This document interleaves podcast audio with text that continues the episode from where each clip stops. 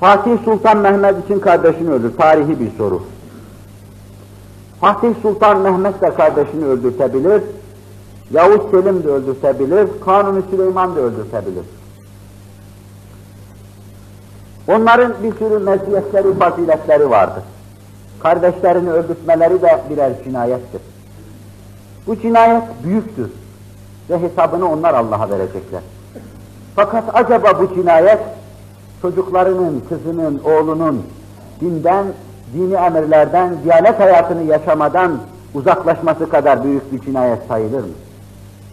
Yani bir babanın oğlunu namazsız yetiştirmesi kadar büyük bir cinayet sayılır mı bu?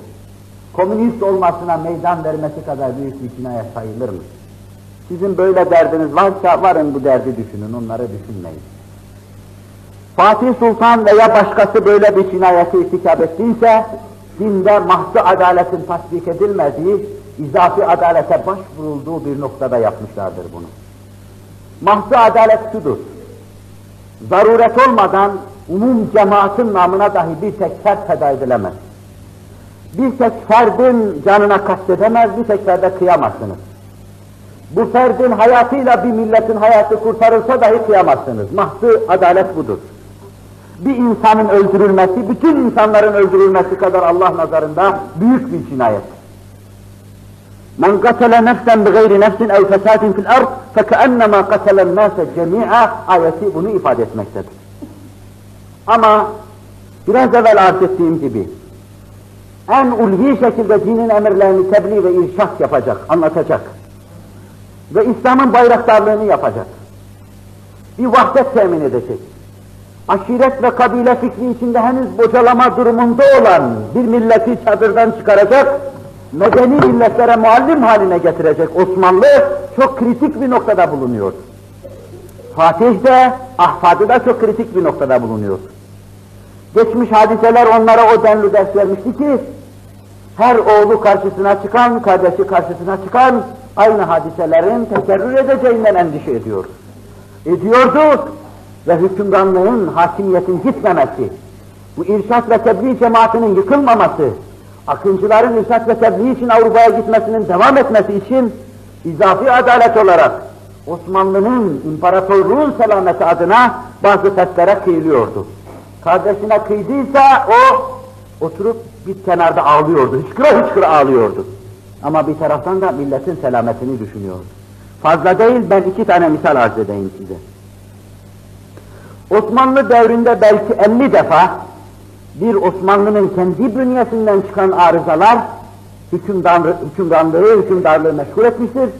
Bir de Celali isyanları, Bedretli Semavi isyanı, bir kısım tekke ve zaviyelerin isyanı gibi Batılıların tahrikiyle teselsül edip giden, devam eden isyanlar vardır. Bunlar da harici şeylerdir, Osmanlı'yı meşgul etmiştir. Bir taraftan da Haçlı seferleri temad edip gidiyordu.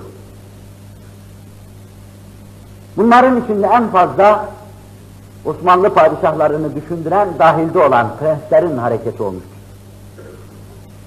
Mesela Yıldırım Bayezid, Allah makamını cennet etsin.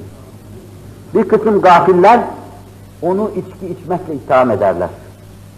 Yanında Emir Buhari gibi Sadat'tan bir zat bulunan, Molla Fenarileri yetiştiren, o devrin ulemasıyla beraber düşüp kalkan bir insanın ala melerinna içki içmesi bir gün bir kılıçla delik deşik olmasını göze alması demek. Ne Osmanlı'yı biliyorlar, ne Molla Fenari'yi biliyorlar, ne Molla Hüsrev'i biliyorlar bunu iddia edenler. Yıldırım Bayezid, ni'mel emiru emiruha sırrına mazhar olabilmek için, İstanbul'u fetheden emir ne güzel emirdir sırrına mazhar olabilmek için, iki defa İstanbul'u kuşatmış ve kader el vermemiş, Haçlı seferleri bir diğer defa da Topal Timur'un kurucu onu meşgul etmiş ve ikinci sefer bir darbe bunun başına inmiş, Çubuk'ta meydan muharebesini kabile reislerini iyi ayarlayamaması, daha kabile fikrinden kurtulamamıştı Türk. Çadırdan henüz çıkmıştı. Aşamadıkları için Timur'un tarafına geçmişlerdi ve kurulmak üzere, bitmek üzere semaya ser çekme durumunda çok müsait imparatorluk sarsılı vermiştir. Yıldırım'ın oğulları Edirne'de yeniden bu düzeni kurdular. Süleyman'ı, Musa'sı ve Mehmet Çelebi mührünü bastı buraya, Fatih'in babasını yetiştirdi, ikinci Murad'ı. Belini doğrulttu Osmanlı yeniden. Edirne'de ikinci kuruluş diyoruz. Bir taraftan camiler yaparken, mesela eski cami yaparken, beri tarafta da Osmanlı iyice takviye ediyor, pekiştiriyordu. Yeniden Anadolu'ya geçme, yeniden İstanbul'a gelme durumu oluyordu. Hazırlanılıyordu bunun için. Birdenbire karşısına bir uydurma Mustafa çıkıverdi.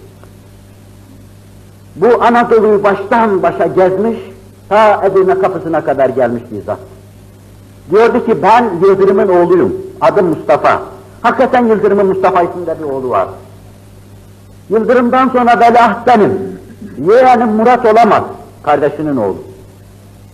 Böyle diye diye o kadar büyük kabilelerin, cemaatlerin liderlerini arkasında toplamıştı ki, Trakya'ya geldiğinde orada o büyük akıncı beyleri, Zanoslar, Evranoslar, Gazi Mihaller, Çandarlılar dahi hemen Mustafa'nın etrafında toplanıverdiler. O büyük hükümdar Fatih'in babası 2. Murat kolu kanadı kırılıverdi. Bu Bizans'ın Osmanlı'ya yapamayacağı korkunç bir darbeydi.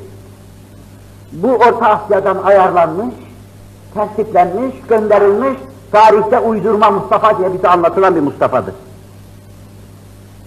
Osmanlı'nın karşısına her an böyle uydurmalar çıkınca, bu uydurmalara baştan meydan vermemek için zorla bu yara bastırılmıştır.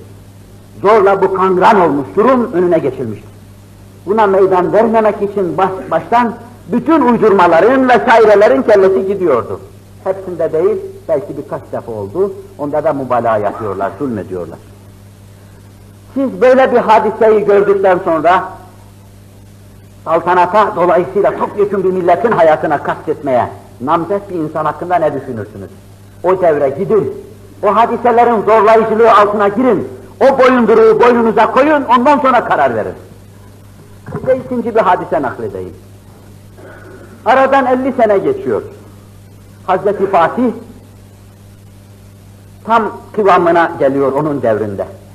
O güne kadar batıya akınlar, Anadolu beylerine laf etmeme. Fatih devrine gelince Fatih İstanbul'u da fethetti, kenara çekildi, beylere sağdan hizaya gel dedi. Uzun Hasan'a kadar herkes hizaya geldi. Beylikleri bir araya toplama zamanı gelmişti. O güne kadar okun hedefi Avrupalıydı. Bizans'tı. Ondan sonra Anadolu'ya dönüverdi, vahdet dedi şimdi. Şimdi vahdet zamanı geldi.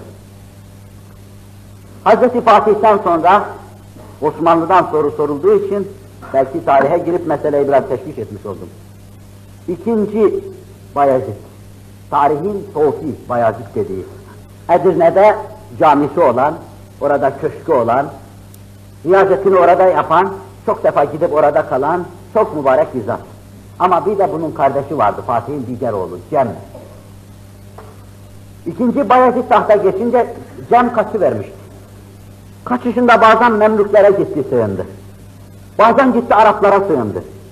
Bazen çeşitli kabile reislerine, efendim beyliklere sığınıverdi. Bazen gitti Vatikan'a sığındı. Bazen adalarda gitti başka papaza sığındı. Ama onun bu durumu, Osmanlı prensinin bu durumu İstanbul'da ne hasıl ediyordu, ne meydana getiriyordu? O, o reisten o reise, o papazdan o papaza, o Vatikan'dan o Vatikan'a giderken, bütün centilmenliğine, bütün asaletine rağmen ona düşen şey şuydu. İkinci Bayezid'in yaptırdığı tımarhaneye, şifahaneye gelip girmek orada beklemekti Osmanlı'nın kaderi. O bunu yapmadı. Sağda solda dolaştıkça bütün bunlar İstanbul'da öyle derin bir endişe hasıl etti ki İkinci Bayezid hiçbir iş yapamıyordu, felç gibi. Bugün Vatikan gelecek diyordu, öbür gün Memlükler üzerime gelecek diyordu, öbür gün bilmem kim tahrik olacak, öbür gün Anadolu beylikleri hep bu endişeyle yaşıyordu. O ikinci Bayezid'i bu endişeye sevk ederken Anadolu'da Şah İsmail sinsi sinsi Şiilik telkinatı yapıyordu. Anadolu işlerine kadar Şiiler giriverdi. Köylere kadar, kentlere kadar Hazreti Ali'ye Allah diyenler, Şeyh'inin halifeliğini inkar edenler, Hazreti Ali'ye peygamber diyenler yüzün yüzün kızılbaş girdi Anadolu'ya. O devirde. Ama ikinci Bayezid elini kaldırıp bunlara bir şey diyemiyordu. Dediği gün bütün bunlar Cem'in etrafında toplanacak, karşısına korkunç bir gayle olarak çıkacak. Bakın Cem yapıyor bunları. Ve o devirde Ferdinand Endülüs'ü kılıçtan geçiriyordu. İspanyol kralı. Endülüs'ten birkaç defa 2. Bayezid'den yardım talebine geldiler. Koskoca Osmanlı İmparatorluğu Endülüs'ün imdadına koşarsa Arap'ın başlattığı o fetih devam edecekti Avrupa'ya. Endülüs kılıçtan geçiyor. Yardım bize diyorlar.